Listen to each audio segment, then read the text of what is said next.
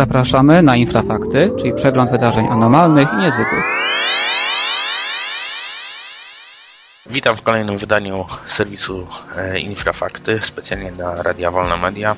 Mówi Michał Kuśnierz, ze mną jest Piotr Cielebiaś. Witam. E, witaj Piotrze.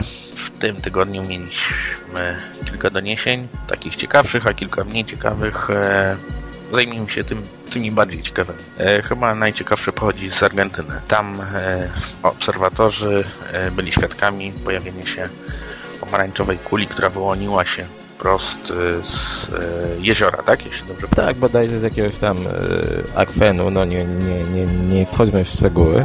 Natomiast ważne jest to, że to nie jest nowa relacja, bo ona pochodzi bodajże z czerwca. Ale jest na tyle ciekawa, żeby mm, do niej powrócić. Niestety nie ma żadnych, mm, żadnych dowodów w postaci filmów czy zdjęć. Natomiast zwracono nam uwagę na ten e, kontrowersyjny aspekt, jakim, są, jakim jest związek e, niezidentyfikowanych obiektów e, z wodą, czyli tak zwane USO, czyli niezidentyfikowane obiekty. Często to się tłumaczy jako podwodne. Również są takim elementem ufologii, chociaż znacznie rzadszym i znacznie bardziej mm, kontrowersyjnym. No właśnie, a co możemy o tym powiedzieć? Bo ja pamiętam, że było e, sporo takich relacji, na przykład e, z dawnego Związku Radzieckiego, z Rosji, prawda? Mówiło się właśnie o obserwacjach, które, których dokonywali e, marynarze floty wojennej. Jakiś czas temu w internecie pojawiły się rzekome doniesienia, a właściwie archiwa radzieckiej marynarki, która mówiła o spotkaniach z niezidentyfikowanymi obiektami pod wodą. Mm, Były one rzekomo mm, nieziemskiego pochodzenia, to znaczy nie potrafiono ich zidentyfikować, a także zachowywały się w sposób e, przeczący, prawda, m, prawom e, ówcześnie znanych e, znanych pojazdów. Mm, Z tego co jednak wiadomo, wiele z tych obserwacji pod wodą miało mm, tak naprawdę źródło w spotkaniach, prawda, mm, z obcymi, z, obc- z obcą marynarką. Aha, no tak. Nie, nie możemy tutaj podchodzić do tego, że wszystko co pod wodą i czego nie znamy to UFO, natomiast y, było parę ciekawych przypadków, w których obserwowano na przykład mm, bardzo szybko przemieszczające się obiekty, czy też na przykład obiekty, które wynurzały się z wody, a następnie wzlatywały, prawda. Mhm. To wszystko nam tworzy taką kolejną e, legendę mm, USO, bowiem niczego nie możemy jednak potwierdzić. Ja bym się tutaj nie powoływał na żadne, mm, na żadne akta, mm, czy to amerykańskie, czy radzieckie, bo wiemy, że często nie, nie, nie, nie osiągniemy tam, prawda, nie, do, nie dotrzemy do jednoznacznej odpowiedzi na pytanie, czym to było. Natomiast y, ta historia ma też taki aspekt aspekt polski, bowiem e, historia USO, bowiem w tym roku minęło nam e, 50 lat bodaj, tak pół wieku od słynnej katastrofy UFO w Gdyni. Tak i e, zresztą żeśmy mieli dosyć duży artykuł na ten temat pióra e, pana Mariusza Fryckowskiego, który dosyć obszernie opisuje wszelkie aspekty związane właśnie z tym wydarzeniem.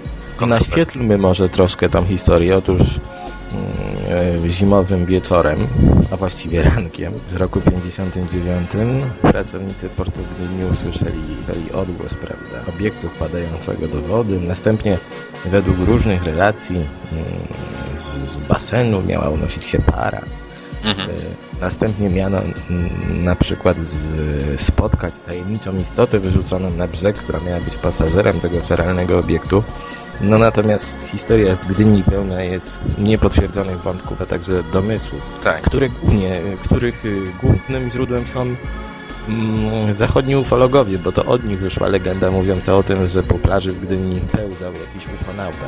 Natomiast co do innych y, katastrof mm, podobnych, do innych podobnych spotkań z UFO mm, pod wodą, to polecam wszystkim, y, aby zapoznali się z historią Shack Harbor z Kanady, gdzie mm, doszło do podobnego, co w Polsce zdarzenia, czyli obiekt wpadł do wody. Natomiast co ciekawe, on potem miał się przemieszczać, miał być poszukiwany i tak dalej. No podobnie jak polski obiekt, również był poszukiwany, ponoć ponad wydobyty. Natomiast yy, u źródeł mm, tej historii o katastrofach UFO często tkwią mm, zupełnie ziemskie przyczyny. E, dokładnie. A czy mieliśmy, bo tutaj mówiliśmy o Argentynie, o tym zdarzeniu, e, czy coś ostatnio w Polsce się działo, bo Chyba e, tutaj widziałem na blogu pana Roberta Leśniakiewicza informację o tak zwanym bolu, czyli kuli świetnej, e, która w e, 21 października przycięła niebo. Cóż, ale tu, tu nic chyba więcej nie możemy powiedzieć, prawda, o, o tym zdarzeniu poza e, tylko zarejestrowaniem obserwacji. Tak, masz rację, są to raczej trudne do jednoznacznego wytłumaczenia incydenty, bowiem musimy być świadomi, że wszelkie, wszelkie tego typu obserwacje mogą mieć zupełnie różne źródła. Nie wszystko UFO, co, mm, co się świeci, jak powiedział kiedyś jeden e, z ufologów. No i cóż więcej. No To tak, wszystko.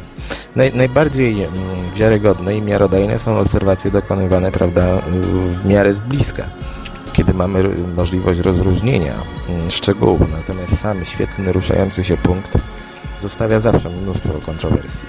Mhm. No ja sam kiedyś byłem świadkiem zdarzenia za granicą w Chorwacji i do dzisiaj też nie wiem co to było, ale to bardzo ciekawe rzeczywiście. E, no ale cóż, e, to może odejdźmy od e, tematyki UFO, a przejdźmy do e, czegoś dużo bardziej, że tak powiem, mm, komplikowanego, bowiem e, powraca temat wielkiego zderzacza hadronów, który jak e, pewnie wszyscy wiedzą, jakiś, no już chyba ponad rok czy prawie rok temu został unieruchomiony przez awarię i w tej chwili się pojawiają dosyć kontrowersyjne teorie e, dotyczące właśnie między innymi awarii i w ogóle funkcjonowania tego typu urządzenia, które ma służyć, znaczy, który jest akceleratorem cząsteczek, które mają się zderzać, ma wytwarzać pewne e, pokłady energii, które mają służyć naukowcom do badania e, tego, co działo się w momencie, kiedy nasz wszechświat się rodził e, po, zaraz po wielkim wybuchu, prawda? I teraz się mówi, pojawiły się teorie właśnie o tym, że tak naprawdę być może ta awaria była spowodowana właśnie przez sam ten wielki zderzacz hadronów, który, że tak powiem, wygenerował znaczy nie wiem jak to rozumieć, nie wiem Piotrze, być może ty byś lepiej to wytłumaczył słuchaczom e, o co chodzi, bo ja, ja się gubię trochę. Tak, że z fizyki też nie byłem dobry. Eee, No, no ale mm, możemy tutaj zaprezentować tą teorię w następujący sposób. Przejdźmy na, może wyjdźmy od samych źródeł. Tuż przed uruchomieniem em, akceleratora mieliśmy do czynienia z wieloma teoriami, w jaki sposób może on wpłynąć destrukcyjnie na Ziemię. No mówiło się o, o powstaniu e, czarnej może- dziury.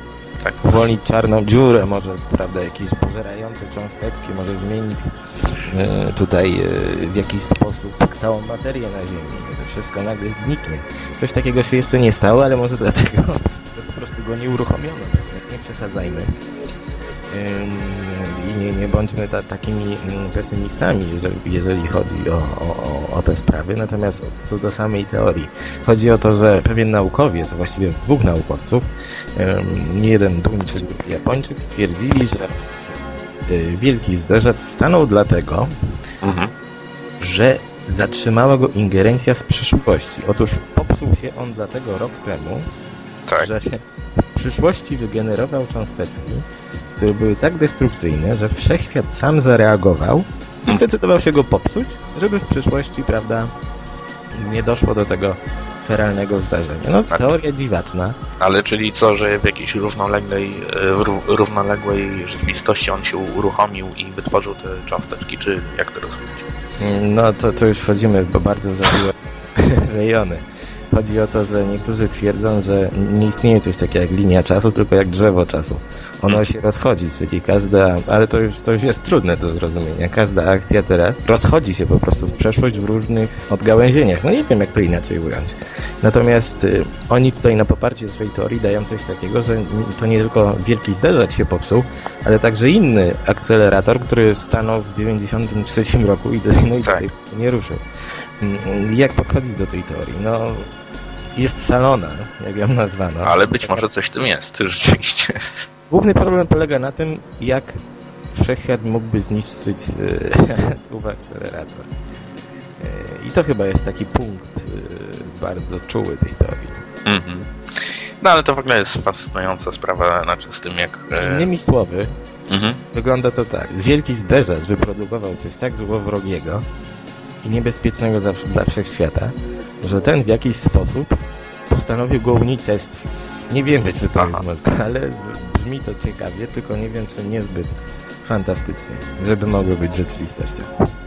Znaczy trudno to ogarnąć, jeśli powiedzmy. Trudno, bo w ogóle wszelkie teorie typu mm, dziury robacze, czarne dziury, białe dziury, Mhm.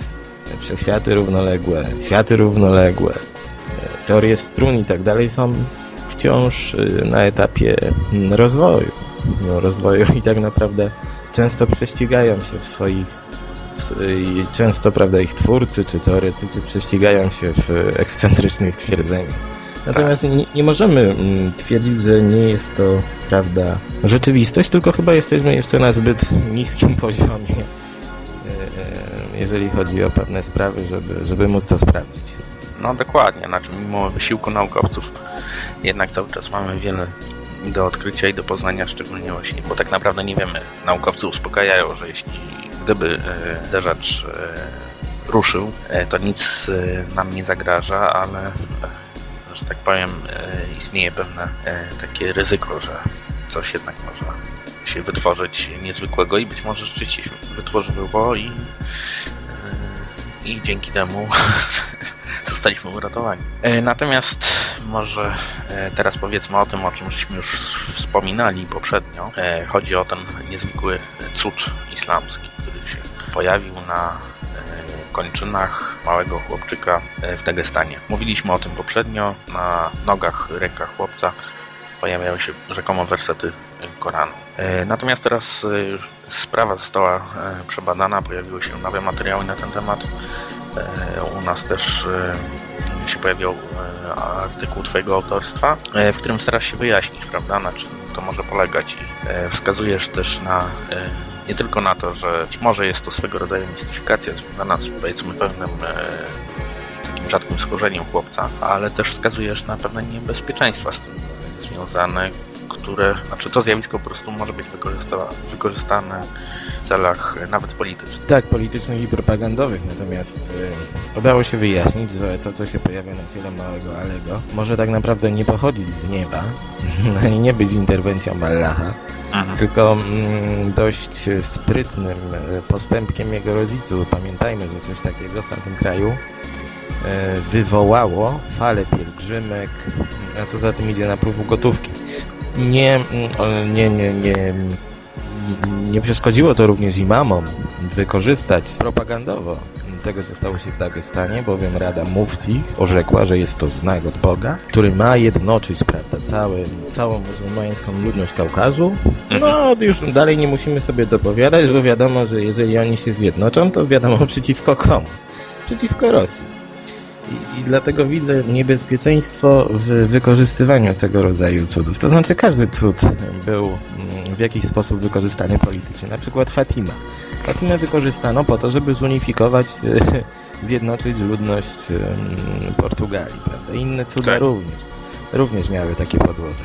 Natomiast jeżeli chodzi o, o Dagestan, no zręczna mistyfikacja, stoi za tym mm, pewna skórna przypadłość. Polega ona na tym, że jeżeli zarysujemy powierzchnię skóry, pojawią się na niej wyraźne znaki. Tutaj jeszcze pewni lekarze dodali, że podobne można u niektórych osób wywołać za pomocą substancji drażniących, typu pieprz, sól, czy sok z cytryny i tak dalej, Mhm. i, i innych, czy też chemikaliów. Buraki. Dlatego, dlatego jest to bardzo kontrowersyjna sprawa i myślę, że ona już y, umarła śmiercią naturalną. To znaczy, owszem, do domu tego dziecka ciągle będą y, napływać pielgrzymi i pieniądze, natomiast y, sami rodzice nie zgodzili się, aby podjąć w tym w celu zweryfikowania rzekomego cudu jakiekolwiek kroki. Dlatego to chyba Mhm. jednoznacznie wskazuje nam, że czegoś się obawiają. E, no tak, dokładnie. Na tym chyba zakończymy, prawda? Czy jeszcze coś mamy? Tak, w tym tygodniu nie mieliśmy do czynienia z wieloma interesującymi doniesieniami. Wszystkie były jakieś takie mm, mało, mało, tak, mało poważne.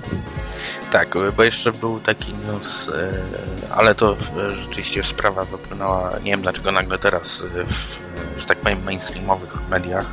Chodzi o tą obserwację policjanta w Wielkiej Brytanii, który przy jednym z piktogramów zauważył dziwne postaci, które kiedy zwrócił na nie uwagę, szybko się ulotniły i jak twierdzi, e, mówi to wprost, że byli to obcy. Y, Wiesz, skomentuję to następująco. Dwa tygodnie temu pewna mm, brytyjska gazeta podała, iż kilka lat wcześniej jeden z radnych któregoś tam brytyjskiego miasta Mhm. zauważył na ulicy obcego, a właściwie obcą istotę, która wygląda jak wróżka. Aha. Czy my mamy mu wierzyć? Chyba nie. No tak. Chyba nie. Pan chyba sobie trochę coś pomylił, bo jeżeli nagle przez tłum ludzi, jak to mówił, przechodziłaby e, taka wróżka, ktoś by to zauważył. Natomiast ten pan, który, pan policjant, który obserwował te istoty przy piktogramie, nie może mieć pewności, że to byli kosmici, bo równie dobrze mogły, to, mogli to być obserwatorzy tego kręgu, czy Tak. też osoby, które go po prostu wykonały lub dopracowywały. Bo taka jest prawda. Taka jest prawda, że mimo, mimo całych skomplikowanych wzorów nie pojawił się ani jeden dowód na to, że za kręgami stoi coś więcej niż człowiek. Bo y, Dokładnie. istnieje pewien paradoks. Nagle w Anglii pojawia się, pojawia się ponad setka kręgów, czy nawet więcej, zbożowych, skomplikowanych jak nie wiem, których rzekomo nie może wykonać człowiek. A co mamy więcej oprócz zdjęć i, i, i pomiarów? Nic. Nie mamy żadnych dowodów. Mhm. Nikt się nie kusi o żadne badanie. Gleby, prawda, gleby, Tak, jest swego, swego roślin rodzaju... i tak dalej. No to jest paradoks. To, Znaczy można powiedzieć, że swego rodzaju to już się stał taki folklor i nawet tak, to jest To jest- element sezonu ogórkowego. związana z tym jest turystyka, prawda? Ogólnie to jest taki, wiadomo, że jak przychodzi e, no przede wszystkim czerwiec, lipiec, sierpień, to będziemy mieli fantastyczne wzorki na polach. Tak, masz rację. I to chyba na tyle, jeżeli chodzi o dzisiejsze Mhm. wydanie. Tak jest. E, Dziękuję bardzo Piotrze. Ja również i zapraszam wszystkich na naszą stronę infra.org.pl no i na forum. Tak jest. A ja jeszcze No i- adres do nas e, inframałpa.epoczta.pl Zapraszam na tydzień na kolejny przegląd wydarzeń anomalnych i niezwykłych z Polski i ze świata. Dziękuję bardzo, mówił Michał Kuśnierz. Do usłyszenia. Wysłuchaliście programu Michała Kuśnierza i Piotra Cielebiasia, realizacja Grupa Infra.